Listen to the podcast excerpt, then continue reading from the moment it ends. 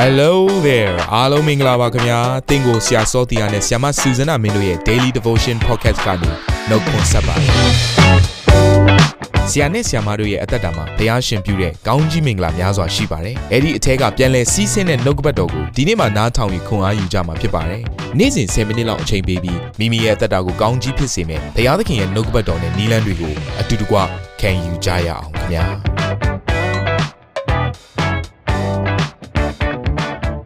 အားလုံးကိုမင်္ဂလာပါလို့အနှုတ်ခွန်းဆက်ပါတယ်ဒီတစ်ပတ်ဟာဒီဇင်ဘာကာလကိုဝင်ရောက်မဲ့အချိန်လေးဖြစ်တဲ့ကြောင့်မလို့ Sweet December and Merry Christmas လို့လည်းနှုတ်ခွန်းဆက်ပါတယ်အဲ့တော့ဒီတစ်ပတ်မှာကျွန်တော်တို့လေ့လာသွားမယ်နှုတ်ကပတ်တော်စင်ကြယ်နှလုံးသွင်းပြီးတော့နေ့ရက်စဉ်တိုင်းမှာ daily devotions နေနဲ့ခံယူမဲ့နှုတ်ကပတ်တော်ကတော့ဝှက်ထားသောဖျားဘုံဆိုတဲ့ခေါင်းစဉ်နဲ့ဖြစ်ပါတယ်တဲ့ရသက်တာထဲမှာဖျားရှင်ဘုံထင်ရှားသောသက်တာဖြစ်ချင်သလား တင်းရဲ့တက်တာတွေမှာတင်းဟာဘုရားသခင်ဘုန်းကိုရှာဖွေနေတော်သူဖြစ်သလားဒါဆိုရင်ဒီနေ့နှုတ်ကပတ်တော်ဟာတင်းအတွက်ဖြစ်တယ်နေ့စဉ်တက်တာမှာကျွန်တော်တွေ့ကြုံရတဲ့အရာတွေစင်ကြင်ရတဲ့အရာတွေတွေ့ရတဲ့လူပုဂ္ဂိုလ်များများစွာလည်းရှိပါလိမ့်မယ်ဘုရားသခင်ဟာသူ့ရဲ့ဘုန်းကိုလူတွေထဲမှာတော့လကောက်အခြေအနေတွေထဲမှာတော့လကောက်ဖွက်ထားပါတယ်ဖွက်ရတဲ့အကြောင်းရင်းကတော့လူတိုင်းကမြင်နေဆိုရင်ဘုရားဘုန်းဆိုတာကလိုချင်တဲ့သူတွေကြီးပဲဒါကြောင့်မို့ဘုရားရှင်ဟာနော်တတ်မှတ်ခြင်းတွေ နော်ကျွန်တော်တို့ဖြစ်ချင်တဲ့အရာကြီးကြားထဲမှာပုံသွင်းခံပြီးတော့ဘုရားသခင်ကိုနေရာတနေရာမှာပဲထားတဲ့ပုံစံမျိုးမဖြစ်စေဘဲနဲ့သူ့ကိုတကယ်လိုလားတောင်းတပြီးတော့လိုချင်တဲ့သူတွေအတွက်ရှာဖွေနိုင်မှုရန်အလို့ငါထင်ထင်ရှားရှားလူတိုင်းလိုချင်တဲ့ပုံစံနဲ့မထားဘဲနဲ့ဖွက်ထားတဲ့ပုံစံနဲ့သူ့ရဲ့ဘုံကိုဖော်ပြလေးရှိပါတယ်ဒါကြောင့်ဒီနေ့မှာကျွန်တော်ကပတ်တော်အားဖြင့်ဘုရားရဲ့ဘုံကိုငါတို့ဘယ်လိုရှာဖွေမလဲငါတက်တာအားဖြင့်ဘုရားခင်ဘုံတော်ဟာငါ့ပေါ်မှာတက်ရောက်လာပြီးတော့ထင်ရှားခြင်းဆိုတဲ့အရာဟာ ဘလို့ပုံစံနဲ့ဖြစ်လာမလဲဆိုတော့အချက်လက်တွေကိုအကြောင်းအရာတွေကိုကျွန်တော်နှုတ်ကပတ်တော်အဖြစ်ဆင်ခြင်မှုဖြစ်ပါတယ်အဲ့တော့ပထမဦးဆုံးသောနေ့ရက်ဒီနေ့ပေါ့နော် day 1အတွက်ကတော့ဘုံတော်ကိုဖုံးကွယ်သောနီလန်ဆိုတဲ့ဘုရားရှင်ဟာဘလို့နီလန်နဲ့သူ့ရဲ့ဘုံကိုဖုံးကွယ်လဲဆိုတဲ့အရာကိုအရင်ဆုံးကျွန်တော်တို့ဆင်ခြင်မှုဖြစ်ပါတယ်ရှေးဥစွာနှုတ်ကပတ်တော်ဒီဘိုက်ကိုဖတ်ချင်ပါတယ်တုတ်တန်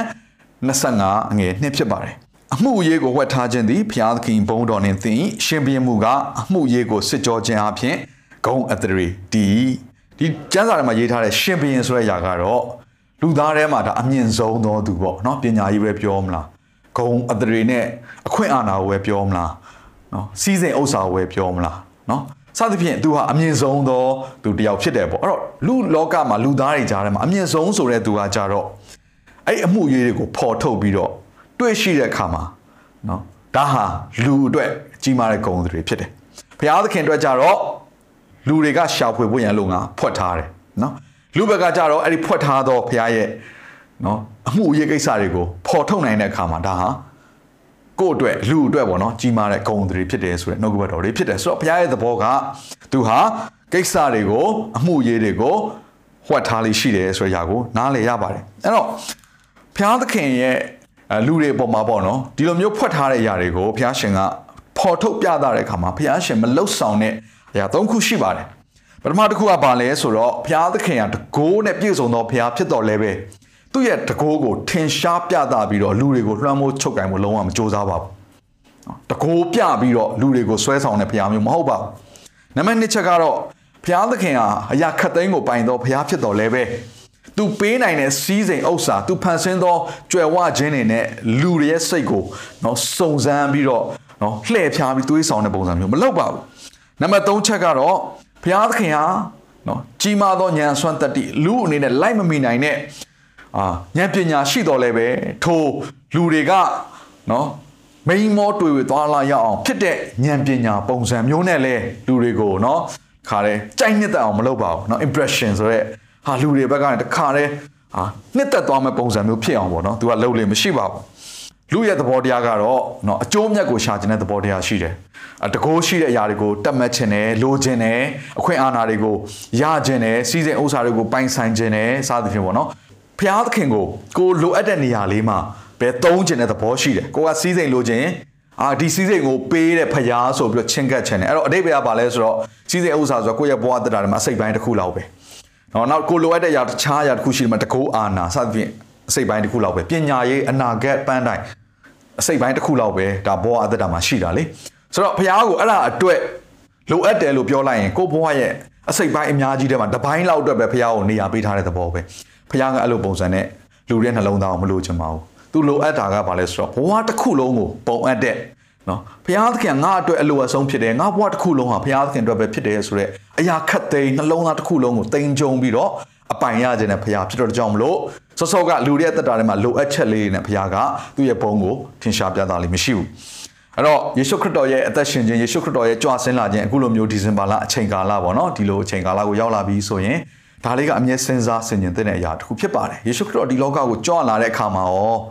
လူတွေလိုချင်တဲ့ပုံစံဖျားဆိုရင်တော့ဒီပုံစံနဲ့ကြွလာတဲ့နေဖျားဆိုရင်တော့ဒီလိုပုံစံနဲ့အသေးမခံသင့်ဘူးဖျားသခင်ဆိုရင်တော့နွားစကွတ်ထဲမှာမမွေးဖွားသင့်ဘူးလေနန်းတော်မှာပဲမွေးဖွားသင့်တာပေါ့နော်ဖျားသခင်ဆိုရင်တော့နော်အိမ်မတမအင်အားချိနေတဲ့ကလေးလေးပုံစံမျိုးနဲ့မလာသင့်ဘူးလေကောင်းကင်ဘုံကနေတကိုးတွေနမိတ်လက္ခဏာတွေနဲ့ဆင်းလာသင့်တာပေါ့လို့စဉ်းစားစရာအကြောင်းလူဘက်ကမျှော်လင့်စရာအကြောင်းရှိပေမဲ့လေဖခင်ကတော့အနိုင်ကြဆုံးလူတွေလုံးဝမထင်မှတ်ထားတဲ့အာအနေဆုံး နီလန်းကိုရွေးပြီးတော့ဒီလောကကိုလူစားတိခံပြီးတော့ဆင်ကြွလာတာဖြစ်တယ်။အဲကြောင့်ဘုရားသခင်ကသူ့ရဲ့ဘုံဆိုတဲ့အရာကို ပြလို့ရပေမဲ့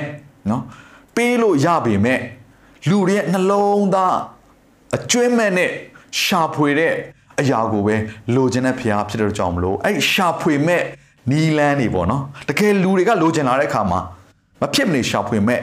အခြေအနေတွေထဲမှာဘုရားရှင်ကသူ့ရဲ့ဘုံကိုထည့်ထားလိုက်တာဖြစ်ပါတယ်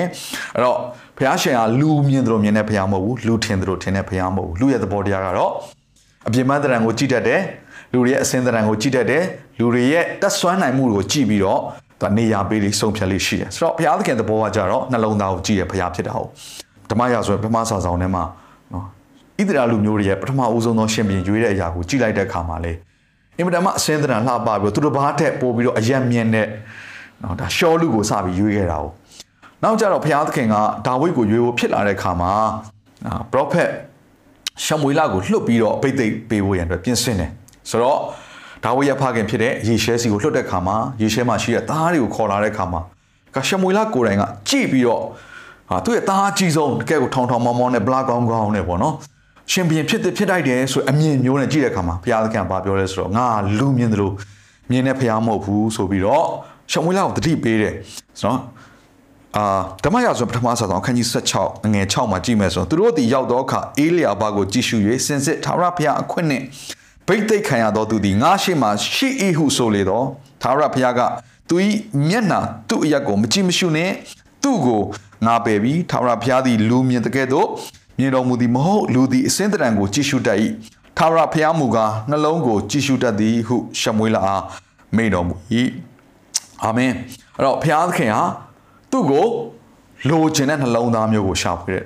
ဘုရားဖြစ်တယ်။ကျိုးပဲ့ခြင်းမနှလုံးသားကိုနှစ်သက်တဲ့ဘုရားဖြစ်တယ်။နှိမ်ချတဲ့နှလုံးသားကိုနှစ်သက်တဲ့ဘုရားဖြစ်တယ်။အဲ့တော့လူတွေမြင်ရတဲ့အပြင်ပန်းသဏ္ဍာန်ထဲမှာလူတွေကရှာဖွေပေမဲ့ဘုရားကတော့လူတွေမမြင်တဲ့အတွင်းနှလုံးသားဖွက်ထားတဲ့အတွင်းထဲမှာရှိတဲ့အရာကိုလှမ်းပြီးတော့ကြည့်တဲ့ဘုရားဖြစ်တယ်ဆိုတာကိုနားလည်ရတယ်။ဒါကြောင့်စာလံ34ငွေ80မှာဘလို့ရေးလဲဆိုတော့ထာဝရဘုရားသည်ကျိုးပဲ့သောစိတ်ရှိသော သူတို့နှင့်နှလုံးကြေခွဲသောသူတို့ကိုနီးတော်မူ၏နောင်တရှိ၍စိတ်နှိမ်ချသောသူတို့ကိုလည်းကယ်တင်တော်မူ၏ဆာလံ138 6မှာလည်းဘယ်လိုရေးလဲဆိုရင်ထာဝရဘုရားသည်မြင့်မြတ်တော်မူတော်လဲစိတ်နှိမ်ချသောသူတို့ကိုကြည်ရှုတော်မူ၏စိတ်မြင့်သောသူတို့ကိုကအဝေးကတည်တော်မူ၏ဟေရှာယ50ခွန်အငယ်15ကိုကျွန်တော်နောက်ဆုံးကြပိုင်းနေနဲ့ဖတ်ချင်ပါတယ်ကျောင်းမူကားတန်ရှင်းခြင်းဟုနာမရှိတော်မူထားသော အနန္တကာလဒီဟုသောဘုံဘိတ်မှန်၌စိုးစံတော်မူထသောအထွတ်မြတ်ဖြစ်တော်မူသောဖရာမိန်တော်မူသည်ကားတော့ဒီကျမ်းစာလေးရဲ့အစပိုင်းကပထမပိုင်းကပါလဲဆိုဖရာရဲ့ကြီးမြတ်ခြင်းမြင့်မြတ်ခြင်းအထွတ်အထိပ်ကိုပြောနေတာဖြစ်တယ်ဆက်ဖတ်မယ်ဆိုရင်ငါသည်မြင့်မြတ်တန်ရှင်သောအရာ၌နေ၏ဒါဖရာခင်နေတဲ့အရာကိုပြောတာနော်ကဲနောက်တစ်ဆက်ဖတ်မယ်စိတ်နှိမ်ချသောသူနှင့်နှလုံးကြေကွဲသောသူတို့၏စိတ်ဝိညာဉ်အသက်ရှင်စေခြင်းကကြေကွဲနှိမ်ချသောစိတ်သဘောရှိသောသူတို့၌လည်းငါနေဖျားရှင်နေတဲ့ နေရာနှစ်နေရာကိုဒီကျမ်းစာတွေမှာတွေ့ရတယ်ပထမနေရာကတော့ဘလို့မှလူတွေရဲ့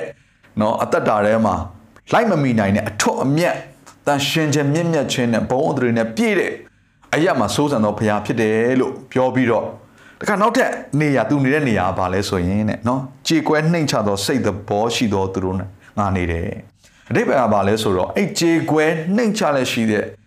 စိတ်သဘောရှိတဲ့လူတွေဟာမြင့်မြတ်သောသူတွေ နော်သူတို့ရဲ့နှလုံးသားဟာတန်ရှင်းသောအရက်တန်ရှင်းသောအသက်တာသူတို့ဟာဘုရားသခင်နှစ်သက်သောဘုရားသခင်နေခြင်းစပွဲဖြစ်သောနော်ဘဝကြီးဖြစ်တယ်ဆိုတဲ့အရာကိုပြောနေခြင်းဖြစ်တယ်နော်အဲ့လိုလူတွေရဲ့အသက်တာတွေမှာဘုရားရှင်ဟာ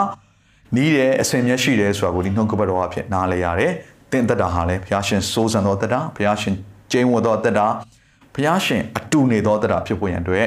လိုအပ်တဲ့ຢာတစ်ခုကတော့အပြင်ပန်းသက်တံ လိုက်ကြည့်ပြီးတော့ဘုရားကိုရှာတာမဟုတ်ဘဲနဲ့ကိုလိုအပ်ချက်ပေါ်မူတည်ပြီးတော့ဘုရားကိုချင့်ကပ်တာမဟုတ်ဘဲနဲ့တကယ်လိုချင်တဲ့နှလုံးသားနဲ့ကြိုးပဲကြည်မွားခြင်းနဲ့နှလုံးသားအကျွမ်းမဲ့တဲ့ဘုရားကိုရှာဖွေမယ်ဆိုရင်ဘုရားသခင်ဟာသင်နဲ့တွေ့ဝင်အနည်းဆုံးမှရှိသောဘုရားဖြစ်တယ်အဲ့လိုလူတွေရဲ့အဝေးမှာဘုရားရှင်နော်ပုံခိုနေတာမျိုးမလုပ်ပါဘူးဘုရားရှင်အဲ့လိုလူတွေကိုအတွေ့ခံတဲ့ဘုရားဖြစ်တယ်အဲ့လိုတွေ့ခြင်းလို့လေလူတွေရှာဖွေလေးရှိတဲ့နီလန်းနေနဲ့ဘုရားရှင်ကဒီလောကကိုကြွလာတာမဟုတ်ဘူးလူတွေရှာဖွေထင်ထားလေးရှိတဲ့နီလန်းနဲ့ဘုရားရှင်ဟာ ကဲတင်တာမဟုတ်ဘဲနဲ့လူတွေလုံးဝမထင်မှတ်ထားတဲ့အနိုင်ကြဆုံးဆိုတဲ့အရာနော်ဆက်စုပ်ဖွယ်ကောင်းတယ်ဆိုတဲ့အရာရက်ဆက်မှုနော်အင်မတန်မှများပြားတယ်ဆိုတဲ့ညညူးဝယ်ဆိုတဲ့ဒီလက်ဝါးကားတိုင်းတော်တရားအဖြစ်ကဲနှုတ်တာဖြစ်တယ်ဘသူမှနော်ကိုယ့်ရဲ့ကလေးကိုထားခြင်းစရာမကောင်းတဲ့နွားစခွက်ထဲမှာယေရှုခရစ်တော်မွေးဖွားလာတာဖြစ်ပြီးတော့ဘသူမှမလှုပ်ချင်ဆုံးအလုပ်ဖြစ်တဲ့ကိုခန္ဓာပင်မဆင်းရဲခြင်းအဖြစ်လှုပ်ဆောင်ရတဲ့လက်သမားတစ်ယောက်ရဲ့သားပေါ့နော်သူလက်သမားတစ်ယောက်အနေနဲ့ အသက်ရှင်ခဲ့တာဖြစ်ပါတယ်ဒါကြောင့်မလို့ဒီနေ့အသင်ဟာနှလုံးသားကြိုးပဲကြေမွားလေဘုရားသခင်ကိုရှာမယ်ဆိုရင်ဘုရားသခင်ဟာသင်နဲ့ဤတော်ဘုရားဖြစ်တဲ့ဆိုရက်တရင်ကောင်းလေးကိုသင်ကိုပေးခြင်းပါတယ်အခုချိန်မှာသင်တို့ခဏတော့ဆူတောင်းပေးခြင်းတယ်ဘုရားသခင်ကိုရောကိုယေရှုတင်တဲ့နှလုံးသားကြိုးပဲကြေမွားတော်သူတို့ကိုနီးတော်မူသောဘုရားရှာဖွေတော်မူသောဘုရားလူမြင်တဲ့ကဲ့သို့အပြင်ပန်းတဲ့ကိုကြည်အောင်မဟုတ်ဘဲနဲ့အတွင်းနှလုံးသားကိုရှာဖွေစစ်ဆေး၍နှလုံးသားကို ကြည့်ရှုပြီးတော့ရွေးချယ်တော်မူသောဘုရားကိုရိုနာမှာဘုန်းကြီးပါစေဒီနှုတ်ကပတ်တော်ကိုနားထောင်တော်သူတယောက်စီရဲ့အသက်တာထဲမှာနှလုံးသားကြိုးပဲကျင်းပွားခြင်းနဲ့ကိုရော့ကိုရှာဖွေတော်သူတွေဖြစ်ဖို့နှလုံးသားအကျွမ်းမဲ့နဲ့ကိုရော့ကိုလိုချင်တောင်းတတော်သူတွေဖြစ်ဖို့ယံဒီနေ့နှုတ်ကပတ်တော်အဖြစ်သွန်သင်မှာကောင်းကြီးပေးပါမြတ်သောယေရှုခရစ်တော်၏နာမကိုအမိပြုလျက်ဆုတောင်းကောင်းကြီးပေးစက္ကန့်နှပါ၏အာမင်နေ့ဖြတ်မှာပြန်ဆောင်လျက်နှုတ်ကပတ်တော်ကိုခံကြရအောင်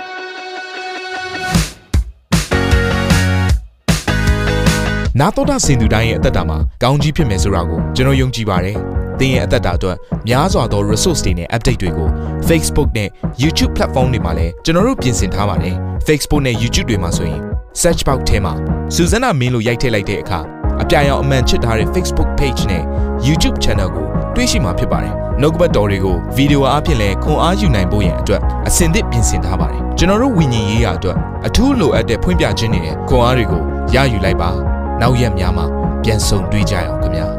အားလုံးကိုနှုတ်ဆက်ပါတယ်